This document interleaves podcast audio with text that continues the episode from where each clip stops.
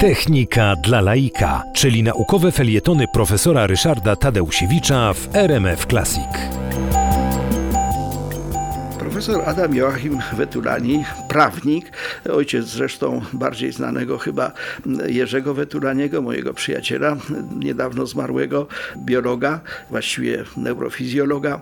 Profesor Joachim Wetulani e, żył w latach 1901-1976, miał ogromnie duże osiągnięcia, był członkiem Polskiej Akademii Nauk, Polskiej Akademii Umiejętności, no i wobec tego wielu studentów e, chciało się u niego zatrudnić w charakterze y, no, asystentów, bo to była droga do kariery prawnej. No i pewnego razu właśnie do pana profesora Adama jo Joachima Wetulaniego przyszedł ambitny student po ukończonym y, Wydziale Prawa Uniwersytetu, położył y, swój dyplom na stole i mówi, no chciałbym być u pana asystentem. Ale pan profesor Wetulani stawiał wysokie warunki, mówi, nie, nie wie pan co, z jednym dyplomem to pan tutaj u mnie miejsca nie, nie otrzyma.